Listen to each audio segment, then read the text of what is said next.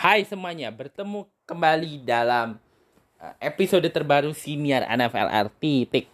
Dan uh, udah lama ya, kayaknya kita nggak ngebahas isu-isu di luar negeri. Uh, sejak isu yang sebelum ini, yang edisi pertama melar, yaitu membahas tentang politik di Malaysia yang agak bergejolak dan ramai dibicarakan di Indonesia.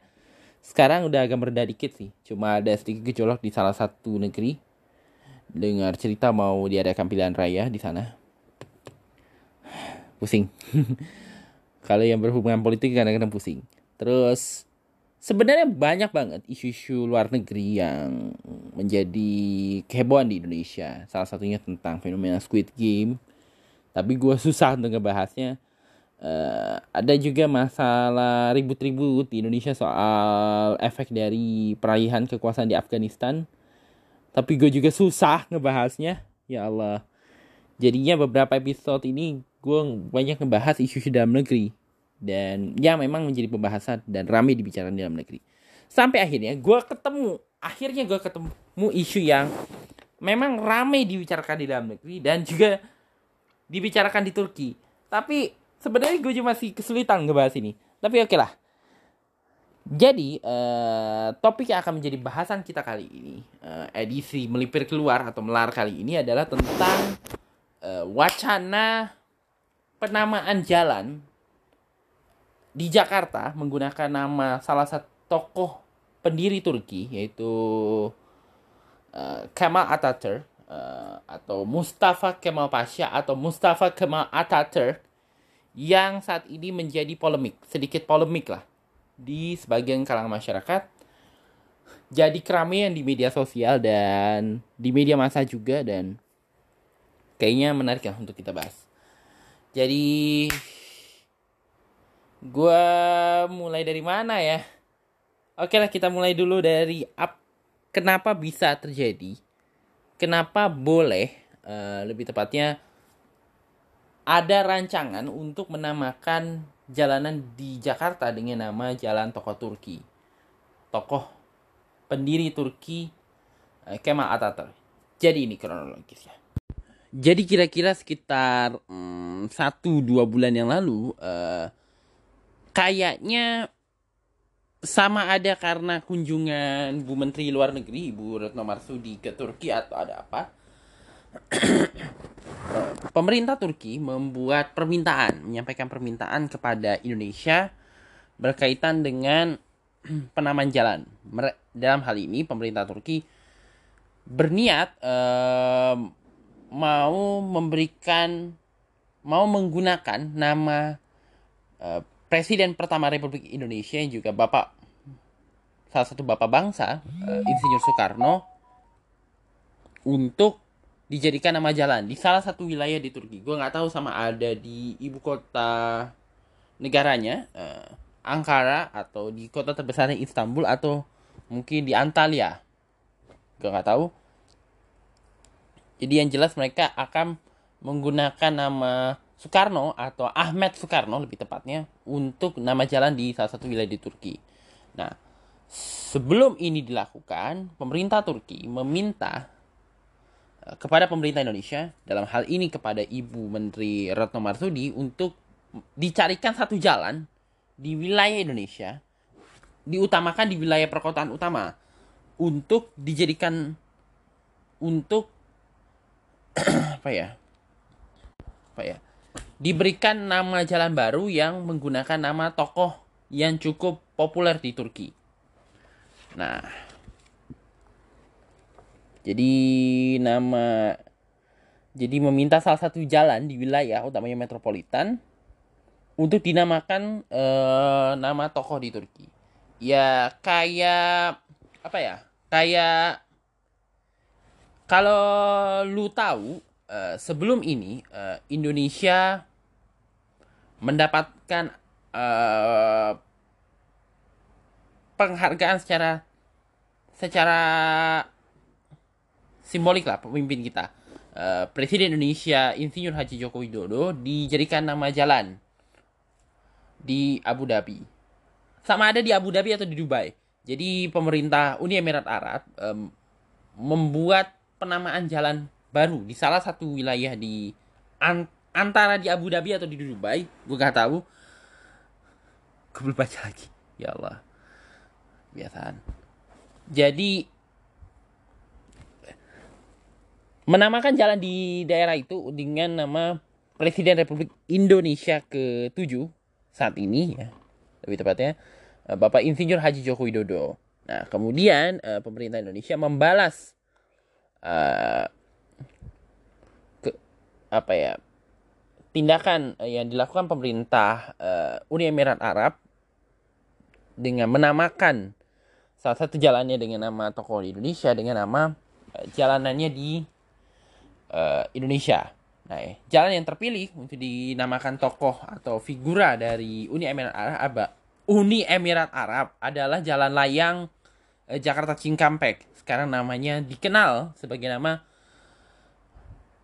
nama jalannya Jalan Layang Muhammad bin Zaid atau MBZ namanya jembatan Jalan Layang MBZ di Cikampek atau tol Jakarta kita sebelumnya mengenalnya sebagai tol Jakarta Cikampek Elevated, eh, jalan tol yang menghubungkan antara Jor di Cikunir ke Karawang. Jadi itu layangnya lah. Bawahnya kan jalan existing, ini yang layangnya.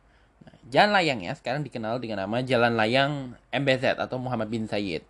Eh, seorang figura dari kayaknya tokoh dari Uni Emirat Arab. Gue nggak tahu sama ada ini orang masih hidup atau enggak jadi kira-kira gitu. Uh, tujuan uh, penamaan ini uh, apa yang dilakukan oleh Indonesia dan Turki dan Indonesia dengan Uni Emirat Arab sebenarnya rasanya sih ini adalah hal yang biasa dalam rangka untuk mempereratkan lagi hubungan bilateral kedua negara. Biasanya kan mempereratkan hubungan bilateral kedua negara kan melalui dialog, uh, penandatangan kerjasama-kerjasama dalam berbagai bidang. Bisa aja dalam politik, ekonomi, sosial, budaya, eh, pertahanan, keamanan, mungkin juga dalam misi pertukaran pertukaran. Pertukaran pelajar. Bertukar pelajar bertukar budaya. Membawa misi kebudayaan eh, dari negara sahabat ke Indonesia atau Indonesia dan sebaliknya.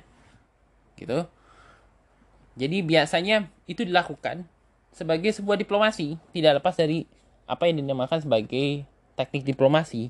Diplomasi dalam berbagai bidang, baik dalam memperkukuhkan kerjasama yang sama ada, yang saling menguntungkan tentunya bagi kedua negara, atau ya bisa dalam bentuk uh, kebudayaan, dalam bentuk simbol, bahkan simbol penamaan jalan itu dengan nama tokoh-tokoh luar untuk di negara lain itu adalah salah satu bisa dikatakan sebagai teknik untuk juga mempererat hubungan bilateral kedua negara. Bisa aja atas permintaan negara itu atau memang menghargai kerjasama yang sedia ada, kira-kira gitu. Nah, wah, kita kembali ke topik tentunya, topik kita tentang tokoh Turki yang jadi jamaah jalan Jakarta waktu berita ini gue denger, uh, gue denger pertama kali berita ini waktu itu gue lagi scroll. Gue kan biasanya nggak hanya posting ya, ngeliat-ngeliat di feed Instagram gue yang biasanya kalau di feed utama kan biasanya isinya tuh yang kita ikuti orangnya ya kan. Nah yang ini gue lagi explore, lagi scroll Instagram, lagi geser Instagram, lihat-lihat berita di explore, terjumpa berita ini yaitu tentang Eh, wacana untuk menamakan jalanan di Jakarta dengan nama uh, nama salah satu tokoh di Turki. Jadi kebetulan pemerintah Indonesia memutuskan memilih jalannya itu di Jakarta. Kira-kira gitu. Nah, waktu gue dapat berita ini, secara kebetulan aja, entah kebetulan atau enggak, Jakarta Experience Board atau apa ya eh, divisi promosi pariwisatanya Jakarta di bawah BUMD-nya Pemprov BUMD-nya DKI Jakarta yaitu Jaktur atau Jakarta Tour Sindo eh, mengadakan eh, sebuah sayembara. Jadi sayembaranya itu juga sempat ramai dibicarakan di media sosial juga sayembara ini yaitu eh, menamakan atau lebih tepatnya memodifikasi nama-nama jalan yang berada di arealnya pantai kita dan pantai maju. Jadi uh, um, for your information, uh, pantai kita dan pantai maju uh, secara property asset adalah miliknya Agung Sedayu Group. Tapi secara perwilayahannya di diberikan kewenangannya oleh Pemprov DKI Jakarta untuk pengelolaan kawasannya oleh PT Jakarta Propertindo. Jadi pemerintah DKI menunjuk Jakpro untuk mengelola kawasan itu dalam hal ini uh, fasilitas publiknya dan sebagainya. meskipun secara eksplisit aset propertinya tetap di bawah uh, kumpulan Agung Sedayu karena memang masih daerahnya kawasannya Agung Sedayu. Uh, Bukit Golf, Mediterania, uh, kemudiannya Peak 2 ada areanya Agung Sedayu Group dengan Salim Group. Kira-kira gitu. Mereka menggelar kompetisi yang diberi nama kita kasih nama. Jadi uh, kalau nggak salah ada satu video, jadi uh, warga Jakarta yang ada di yang lagi jalan-jalan di kawasan pantai kita ada maju tuh di, ditanyain kira-kira tahu nggak nama jalan? Kiranya gini kira-kira tahu nggak nama jalan ini? Jalan ini namanya jalan apa? Gitu. Mereka bilang kebanyakannya itu nggak tahu. Kemudian tercetuslah ide untuk menamakan jalan-jalan di Jakarta jalan-jalan yang dinamakan itu adalah satu bundaran eh, tiga jembatan. Di daerah pantai kita ada maju itu ada tiga jembatan. Uh, satu yang mau ke arah Pik 2 kemudian yang mau ke uh, penghubung pantai kita dan maju dan satu lagi penghubung antara daratan Pik dengan pantai maju. Kemudian uh, ada beberapa jalan. Kalau nggak salah satu dua tiga. Terus yang sononya tuh yang deket Camp Chicks mau ke Pier Point ke arah yang mau ke arah pantai di pantai maju mau ngarah ke pantai kita.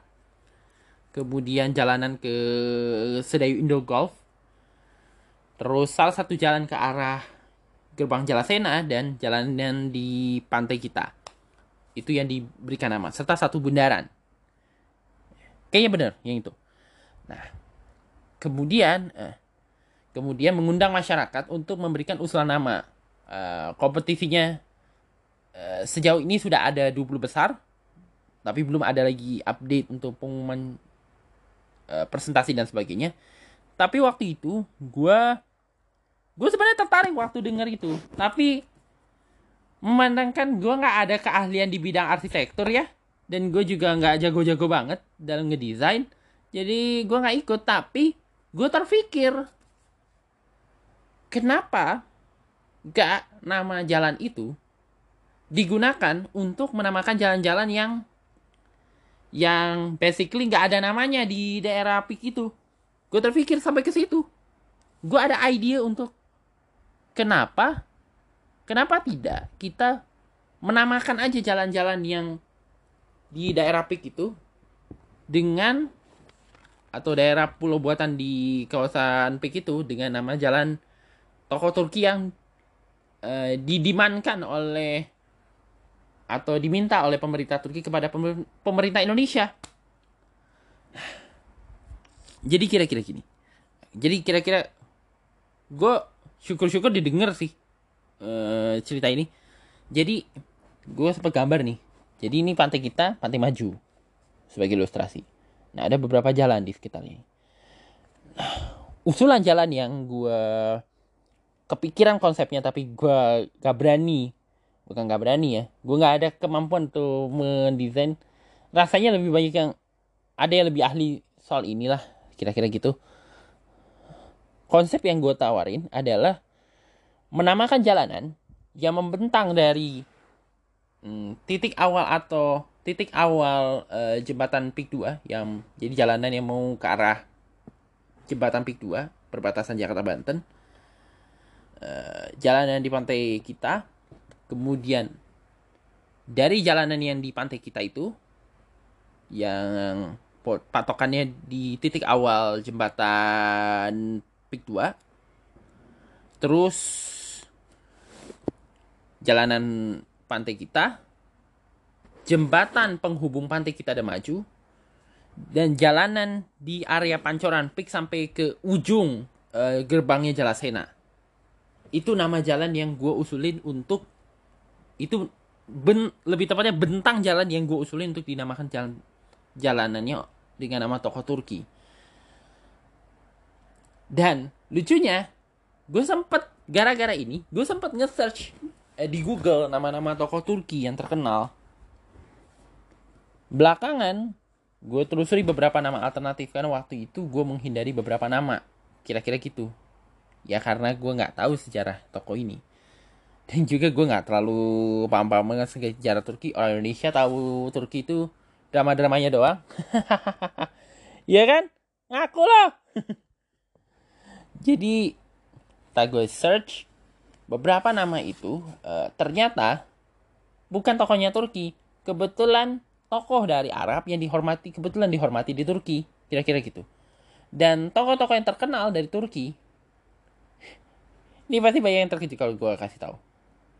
Perdana menteri yang sekarang Recep Tayyip Erdogan eh, bekas presiden atau mungkin bekas perdana menteri presiden sekarang ya Recep Tayyip Erdogan sebelumnya perdana menteri presiden sebelumnya Abdullah Gül uh, perdana menteri mantan perdana menterinya Matt Digavtolu uh, pemimpin spiritual yang dianggap anti politik oleh dianggap musuhnya Erdogan yaitu Fethullah Gulen dan uh, tokoh penakluk Istanbul atau yang menjadi penggak apa ya pengasas kerajaan atau kekhalifahan Utsmani Al-Fatih. Kira-kira itu nama-nama Turki yang terkenal. Kemudian gue carikan nama itu. Sampai akhirnya gue ketemu satu nama. Yaitu kenapa gak jalanan yang tadi yang membentang dari jalanan utama pantai maju pantai kita sampai ke ujung jalan Sena di Pantai Maju itu nggak dinamain. Kenapa nggak dinamain aja? jalan raya jalan raya Kemal Ataturk di Pantai Nakapuk. Yang bentangnya gue tadi jelasin. Bundarannya itu dinamakan Bundaran Garuda. Nah, untuk menjelaskan simbolisasi sebagai ilustrasi uh, di pantai di dekat gerbang Jalasena itu kan ada kayak tempat pengibaran bendera ya, kayak lapangan upacara gitu. Hmm, peninggalan dari upacara kemerdekaan di Pantai Maju waktu 2019 oleh Pak Gubernur Anies Baswedan waktu itu ada uh, bikin upacara bendera di Pantai Maju ketika itu. Nah, habis itu di pantai uh, apa namanya tadi gue bilang Oh, Pantai Maju. Di dekat Jalan Senaya itu gue usulin itu dipasang patungnya Soekarno. Patung Soekarno dengan patungnya uh, patungnya Kemal Atatürk bersalaman. Nah, di situ ada monumen. Nah, di situ ada monumen persahabatan Turki Indonesia. Kira-kira gitu konsepnya. Yang di sana. Kemudian tamannya taman di dekat uh, pantai kita di kolong jembatan itu gue terpikir untuk menamakannya itu sebagai taman Istanbul nah alun-alun yang apa ya bundaran yang di dekat pantai maju gerbangnya Gulf Island itu gue terpikir untuk usulkan nama bundaran Garu Garuda Garuda aja gitu, Bundaran Garuda dan Taman Garuda, Peak. Nah, di titik akhir itu ada kayak patung elang bondol. Itu kan simbolnya Jakarta ya, sebagai penanda selamat selamat datang di Jakarta. Kira-kira gitulah konsep yang gue terpikir waktu itu. Kalau seandainya gue ikut sayembara kita kasih nama yang didasarkan dari berita ini kira-kira begitulah uh, konsep yang gue ada di pikiran gue waktu itu untuk kalau misalnya gue ikut sayembara itu tapi yang jelas nggak mungkin karena sudah ditutup kedua sudah ada 20 besar. Kalau nggak salah udah ada 10 besar deh. 20 atau 10 besar yang akan diseleksi dan kita tunggu aja kira-kira kita. Nah, sekarang kita kembali ke topik pembahasan. Uh, tadi kan gue tadi jelasin ya soal uh, pemerintah Turki berniat menamakan salah satu jalan di wilayahnya dengan nama Jalan Ahmed Soekarno sebagai uh, bagi mengapresiasi atau bagi menghormati jasa Bung Karno dan juga mempererat hubungan persahabatan Indonesia-Turki. Nah, kemudian mereka meminta sebelum itu dilakukan, meminta Indonesia untuk mencari salah satu jalan uh, dinamakan dengan nama Jalan Tokoh dari Turki. Dan pemerintah Indonesia merespon dengan mencari jalan. Singkat cerita, ditemukan salah satu jalan di kawasan Menteng, gak dijelasin jalannya mana, akan diberikan nama baru dengan nama tokoh Turki. Memandangkan nama yang diberikan Turki untuk jalannya itu adalah nama tokoh Bapak Bangsa Indonesia, yaitu Insinyur Soekarno atau Ahmed Soekarno, Jalan Ahmed Soekarno, Indonesia mencadangkan untuk nama itu diberikan nama jalannya itu, jalan yang akan dinamakan tokoh Turki itu menggunakan nama Bapak Bangsa Turki atau pendiri negara Turki atau proklamator kemerdekaan Turki, Bapak kebangsaannya Turki yaitu Kemal Atatürk. Jadi jalanan di salah satu jalanan di Menteng akan dinamakan Jalan Kemal Atatürk. Uh, Wacana itu akhirnya muncul dan memandangkan akan ditempatkan di Menteng Jakarta. Langsung ramai dibicarakan dan terjadi eh, pro dan kontra dalam rencana penamaan jalan itu. Bagi yang pro, kita ke kontra dulu deh.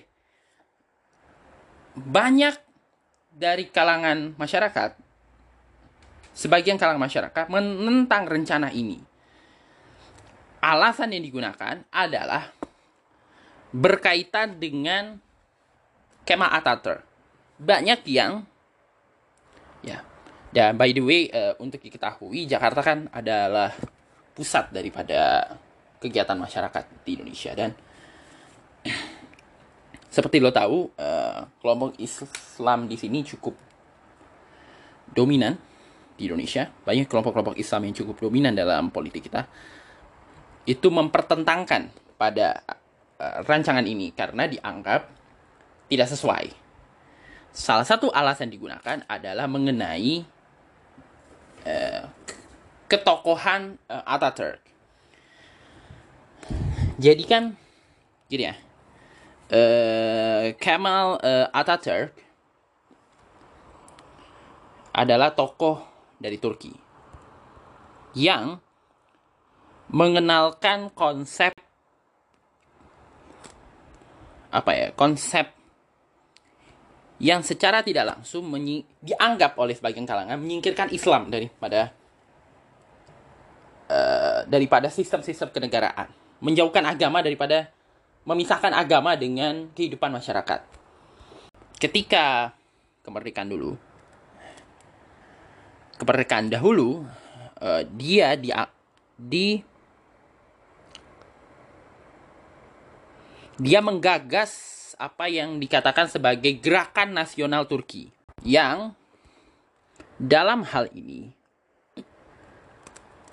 uh, dianggap sebagai ancaman dan terjadilah uh, perang kemerdekaan antara kelompok nasional Turki dengan kelompok kehalifan Turki. Nah, Kenapa bisa dipertentangkan? Karena kelompok inilah yang menjadi dianggap sebagai punca runtuhnya kekhalifahan Islam yang terakhir di Turki yang bermuara pada berdirinya negara Turki pada 29 Oktober 1923 yaitu berdirinya Republik Turki. Uh, dia uh, menghapus menghapuskan uh, pada 1924 memutuskan menghapuskan khilafah dan ini menjadi uh, semacam apa ya titik bagi sebagian kalangan Islam, utamanya kalangan Islam yang cukup uh, konservatif, menganggap ini sebagai apa ya titik kemunduran Islam. Nah, makanya kalangan-kalangan ini di Indonesia, utamanya di Indonesia, beberapa kalangan, utamanya dari partai-partai Islam yang cukup alirannya agak konservatif, menentang rencana ini. Utamanya dari kalangan oposisi. Dan yang kena batunya selain pemerintah adalah Gubernur DKI Jakarta, Mas Anies Baswedan. Karena uh, jalannya ini, jalan yang akan dinamakan ini adalah jalanan di Menteng. Dan Menteng adalah bagian dari daerah Provinsi DKI Jakarta. Salah satu yang memprotes adalah Ketua Komisi C DPRD DKI Jakarta yang apa ya menentang rencana itu. Salah satunya yang menentang rencana itu. Kemudian ada banyak sih.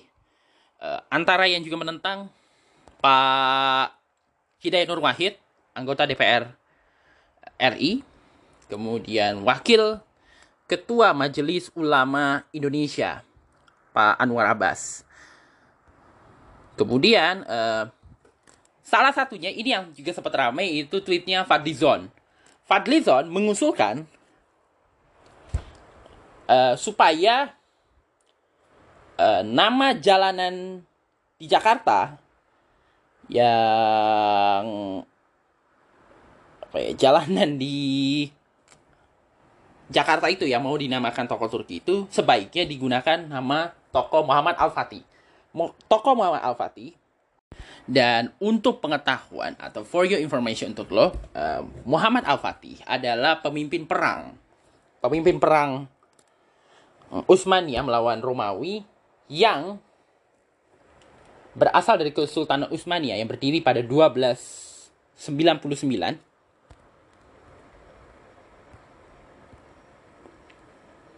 Ya, yeah, 1299 yang mencoba melintasi Eropa pada 1354 dan melakukan penaklukan Balkan dan mengubah negara Utsmania yang hanya berupa kadipaten kecil menjadi negara lintas benua. Jadi semacam kekhalifahan Islam lah. Apa ya? Melanjutkan kekhalifahan Islam.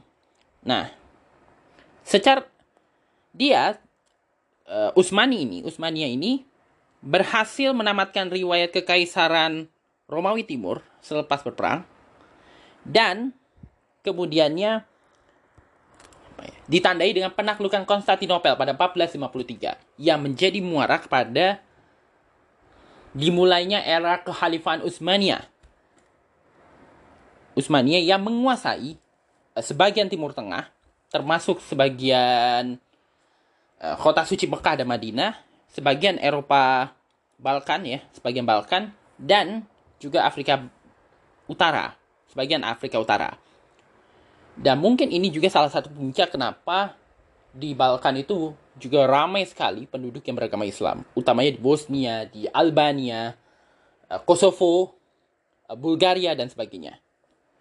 Nah, sehingga mungkin disebabkan itulah uh, Pak Fadlizon apa ya dalam hal ini dalam tweetnya menyarankan atau menasihati supaya kalau enggak diusahakan supaya dinamakan Al-Fatih untuk ya meredakan kontroversi lah. Cuma ada sedikit polemik soal ini. Lebih tepatnya eh, Bang Fahri Hamzah, Presiden Gelora yang menanggapi tweet ini dengan mengatakan, ya kalau lu pengen usulan lu, usulan lu dipenuhi, kira-kira ya, lu ngomong aja langsung ke gubernur lo, kira-kira gitu. Dan apa ya kontroversi ini makin melebar karena yang menentang semakin menentang, yang mendukung pun juga nggak kalah. Salah satu dasar mereka yang mendukung ini menganggap ya itu kan cara Indonesia untuk menghormati permintaan Turki itu kira-kira gitu. Dan lebih dari itu uh, apa ya se apa ya istilahnya seburuk-buruknya, uh, sekatrok-katroknya uh, Ataturk dalam memimpin Turki dan melakukan hal-hal yang dianggap resisten oleh kelompok-kelompok konservatif ini, dia adalah bapak bangsa, dia pendiri negara. Dan faktanya memang, kalau lu baca-baca juga, misalnya kalau lu baca uh, artikel-artikel luar, atau lu mungkin baca ensiklopedia dari Turki, Ataturk itu adalah sosok yang sangat dihormati di Turki. Dan dihormati sekali, saking dihormatinya, ada perundangan di Turki yang menyebutkan uh, siapa pun yang melakukan penghinaan terhadap bapak bangsa akan akan dipidana dan dijat, kemungkinan dijatuhi hukuman. Bahkan partai AKP, partai Islam yang cukup besar di Turki yang saat ini menjadi partai penguasa pun menghormati Ataturk. Sekalipun Ataturk ya, seburuk-buruknya Ataturk, tadi kan gue bilang, seburuk-buruknya Ataturk ya, dia sosok yang dihormati oleh rakyat Turki. Gitu. Nah, misalnya pada peringatan 82 tahun kematian Ataturk di tahun 2020, dalam pidatonya dikutip oleh Anadolu Agency, Agency yaitu kantor beritanya Turki, Erdogan, Presiden Erdogan dalam hal ini, yang saat ini uh, menyebut Ataturk sebagai pemimpin perang kemerdekaan, pendiri republik yang berkontribusi pada kemerdekaan dan kemakmuran Turki. Dia bahkan mencatat dengan berdirinya republik ini, meskipun ada ancaman tekanan dari negara-negara barat, yang kurang suka dengan konsepnya Ataturk ini, dia mampu menghapus hak istimewa ekonomi yang diberikan Utsmani kepada pedagang asing yang dikenal dengan kapitulasi. Jadi Jadi kira-kira gitu. Bahkan negara bangsanya sendiri menghormati. Di Turki dia dihormati, di sini dijadikan menjadi kontroversi. Utamanya salah satunya karena hoax kematiannya itu karena dia menghina Islam kan dia menjauhkan Islam Ataturk matinya mengerikan. Ya kan? Jadi bahasa apa ya perspektif gue ya mengartikan itu mengartikulasikan kontroversi yang berlaku terhadap Ataturk dan kebijakan sekularisme ini politik sekul sekularismenya. Coba disanggah dong. Bahkan hmm, kelompok-kelompok ini menggunakan dasar ini, hoax yang berkaitan dengan Ataturk, berita-berita kibul, kabar kibul yang berkaitan dengan Ataturk itu untuk apa ya, melegitimasi penolakan mereka terhadap penamaan Jalan Ataturk di Jakarta. Nah, isu ini akhirnya kontroversi ini terdengar juga di Turki. Banyak masyarakat Turki yang menyayangkan hal itu. Coba nanti lu baca-baca. Terutama Anadolu Indonesia ya tentang masalah ini. Nanti gue juga coba baca. Nah, karena kontroversi itulah uh, Wakil Gubernur Jakarta Pak Ariza kayaknya beritanya antara hari ini atau kemarin, eh kayaknya antara kemarin atau lusanya, kemarin lusanya uh, mengatakan berencana menyatakan bahwa dia berencana mengirim surat kepada KBRI Ankara untuk sebaiknya uh, ada per, untuk mempertimbangkan soal rencana penamaan Atatürk sebagai nama jalan di Jakarta karena adanya protokol kontra ini. Dan dia menjelaskan bahwa kalau ada hal-hal ini maka perlu dilakukan pembahasan utamanya oleh Dewan Jalan. Jadi ada sebelum penamaan jalan itu akan ada Dewan Jalan yang berdiskusi dengan semua pihak baik yang kiri maupun kanan untuk menentukan nama jalan di Jakarta. Nah, jalan yang diusulkan untuk menjadi alternatif adalah menggunakan nama kota yaitu antara jalan Istanbul atau jalan Ankara sebagai alternatif nama jalan untuk menghormati uh, persahabatan kerjasama bilateral mempererat bilateral antara Turki dan Indonesia. Dia mencontohkan penamaan salah satu jalan di area Kuningan Jakarta menjadi Jalan Casablanca atau yang kita mengenalnya sekarang ke uh, Jalan Kasab uh, kawasan Casablanca. Sebenarnya kawasan Casablanca itu adalah didasarkan daripada nama Jalan Casablanca yang diambil dari nama kota di Maroko. Uh, jadi kira-kira uh, gini, dulu uh, Indonesia dan Maroko kayak ingin mempererat kerjasama. Salah satu cara mempererat kerjasamanya Ya, biasanya kan dengan penamaan jalan, gitu kan. Nah, kemudian jalanan yang dipilih adalah jalan dicari jalan nama nama jalan di Jakarta, tapi lelah kawasan Kuningan. Kayaknya waktu itu udah mulai ada pembangunan deh. Kayak jam masih zaman Orde Baru. Mulai kawasan Rasuna dibuka untuk pembangunan segitiga emas. Nah, salah satu jalannya dinamakan Jalan Casablanca. Sempena eh, nama kota di Maroko. Kayaknya sih diresmikan juga oleh oleh pemimpin Maroko pada ketika itu. Jadi kira-kira gitu. Cukup ribet ya membahas kontroversi ini. Padahal tak salah satu kenapa Atatürk sangat dihormati. Sangat dihormati. Karena dia kerap mencirikan dirinya sebagai seorang Turki yang membuat ia dikenal sebagai Mustafa Kemal Pasha alih-alih Atatürk. Nah, Nah, eh, gerakan nasional Turki ini mencoba mempertahankan negaranya daripada dikuasai oleh asing. Karena pada masa itu eh, kekaisaran Utsmani menurut sejarah itu mulai mengalami pelemahan yang luar biasa. Salah satunya disebabkan oleh banyaknya bangsa-bangsa di dunia yang dikuasai oleh Inggris, dikuasai oleh negara lain salah satunya uh, Palestina oleh Inggris, uh, Suria kayaknya juga oleh Inggris, dan beberapa negara lainnya. Di bawah kolonialisme. Kolonialisme yang ada. Nah, akibatnya mereka mencoba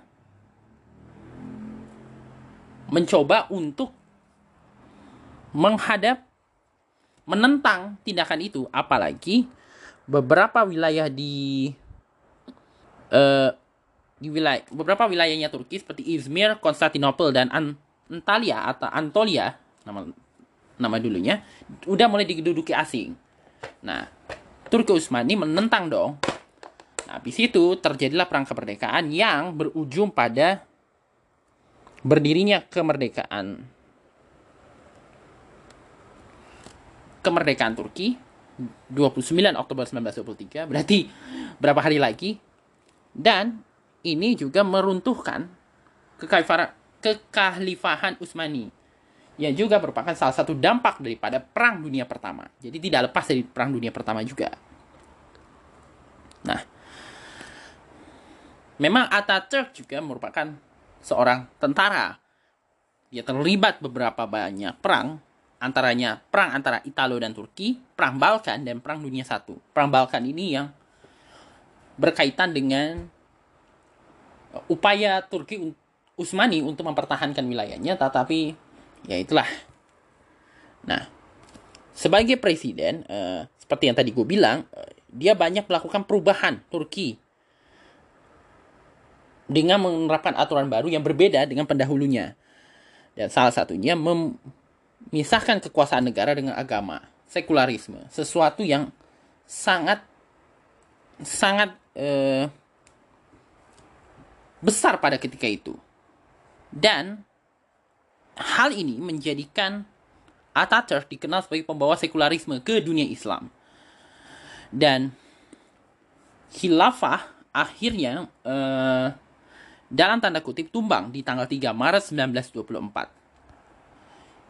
Yang menjadi eh, tadi gue bilang sebagai salah satu titik balik daripada sejarah dunia Islam. Hoax dan kontroversi uh, Atatürk ini bisa dikatakan boleh jadi kita bisa bilang bahwa ini adalah kontroversi ini muncul karena apa ya istilahnya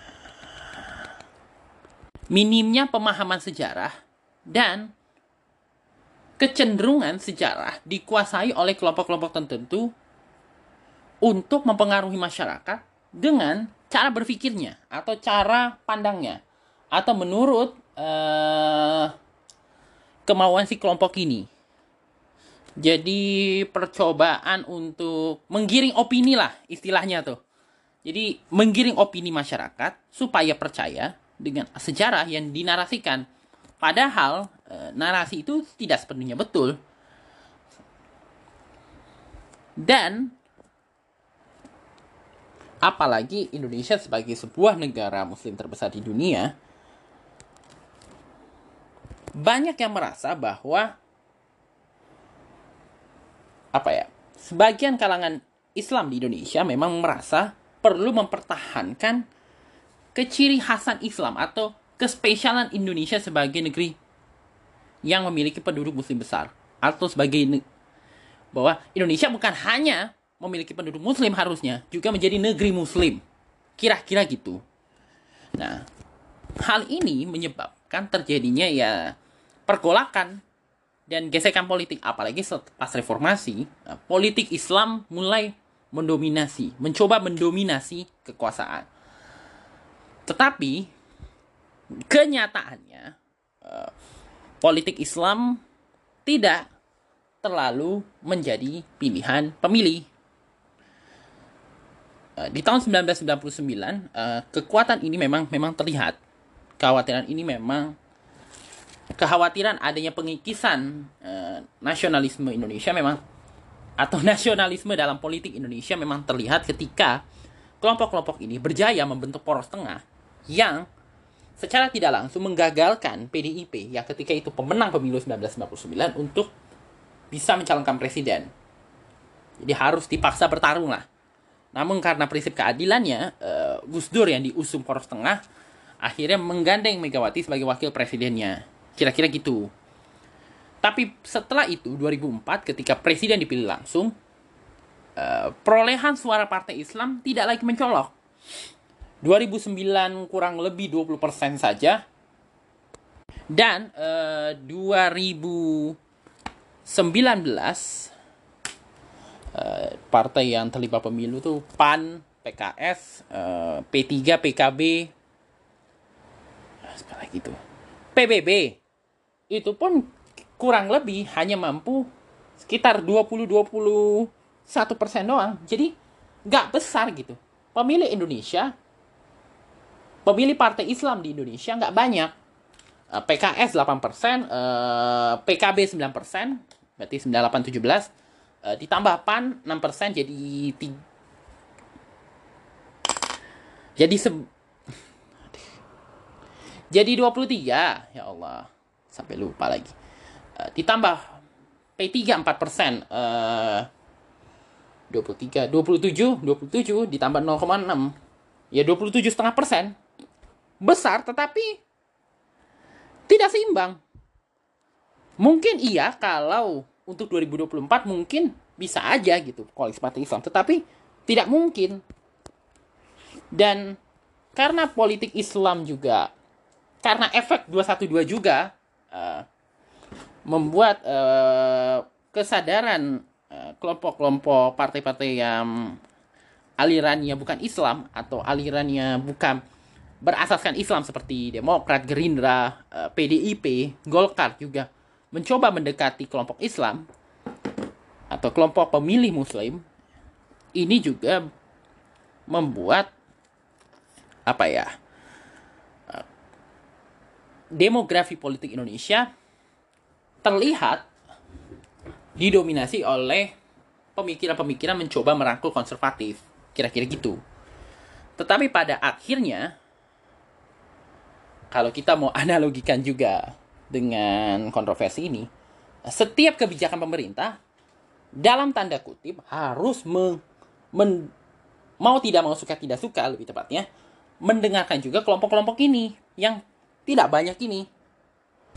Salah satunya Eh, PKS. Salah satu penentang uh, kontroversi uh, jalan ini ada penamaan jalan ini adalah PKS yang notabene memang cukup Islam, tetapi juga mulai mencoba mendekati low class atau kelas bawah. PKS mencoba dengan dua periode sebagai oposisi kemungkinan punya kans untuk menang besar dalam pemilu berikutnya. Nah, hal ini mulai diwaspadai. Dan mereka mencoba menjaga agar para pemimpin-pemimpinnya yang mereka anggap sesuai dengan untuk mereka calonkan sebagai presiden agar jangan mengambil jalan salah. Makanya wajar mereka mencoba untuk menggagalkan penamaan jalan ini. Tapi di sisi lain, kita tarik juga ke uh, sisi sejarah.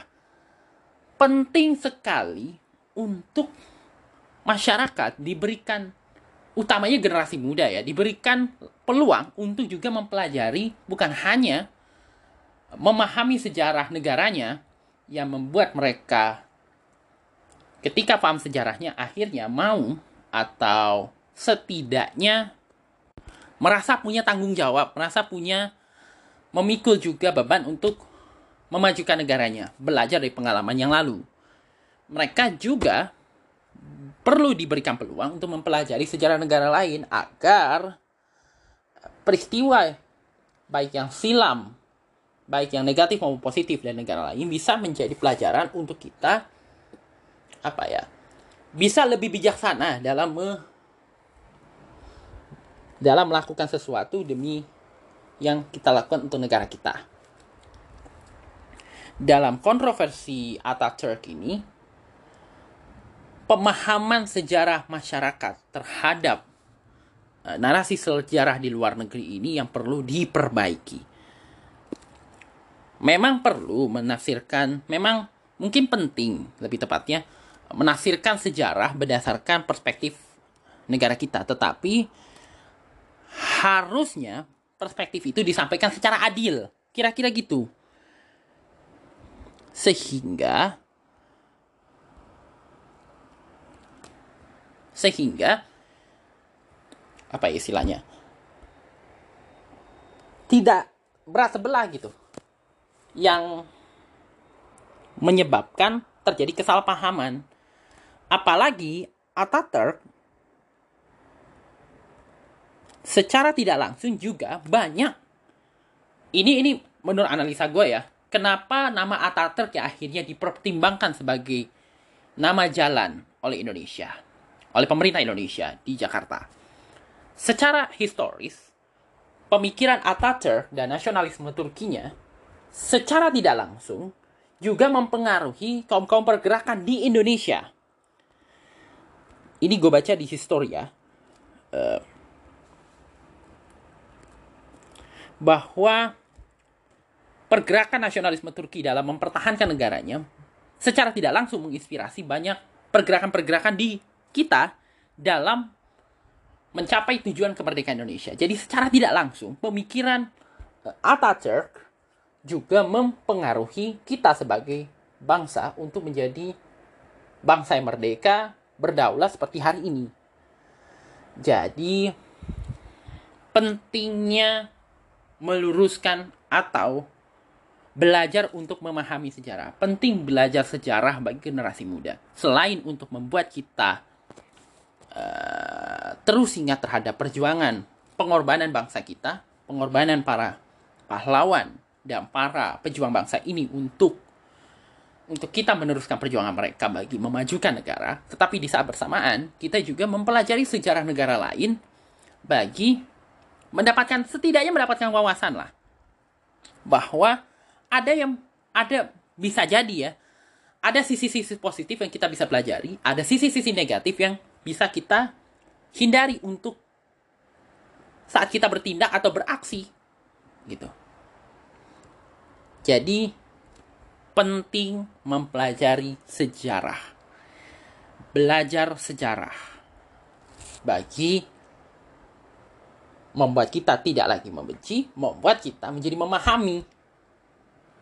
Belajar kan salah satunya untuk membuat kita jadi memahami kan. Jadi kira-kira gitu. Dan kesimpulannya adalah gue kembaliin ke lu. Sama ada lu mau kan tadi gue bilang ya soal panjang lebar ya soal kontroversi ini. Lu sama ada merasa penamaan jalan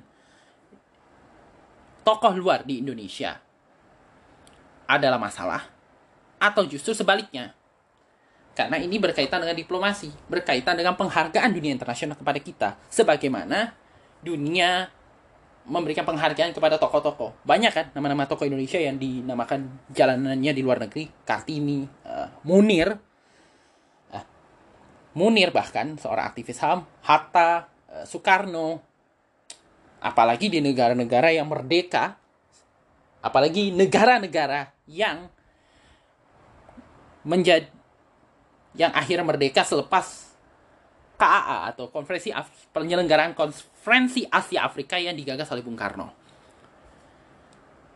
Penghargaan terhadap kita tuh besar banget di negara-negara yang merdeka setelah KAA tuh. Terutama juga di Belanda, apalagi karena banyak sekali orang Indonesia yang belajar di sana dan perjuangan yang menginspirasi juga orang-orang Belanda seperti Kartini, seperti Hatta, bahkan